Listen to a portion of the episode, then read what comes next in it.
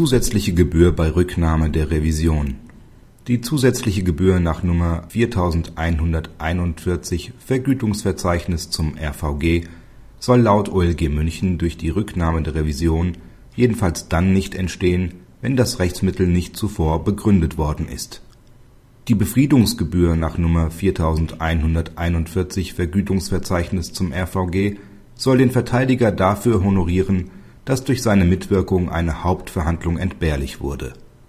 Nach Ansicht des OLG München existiert aber kein Grund für eine solche Honorierung, wenn die Revision vor ihrer Rücknahme noch nicht einmal begründet wurde. Denn dann bestand nicht einmal die theoretische Möglichkeit der Anberaumung einer Revisionshauptverhandlung.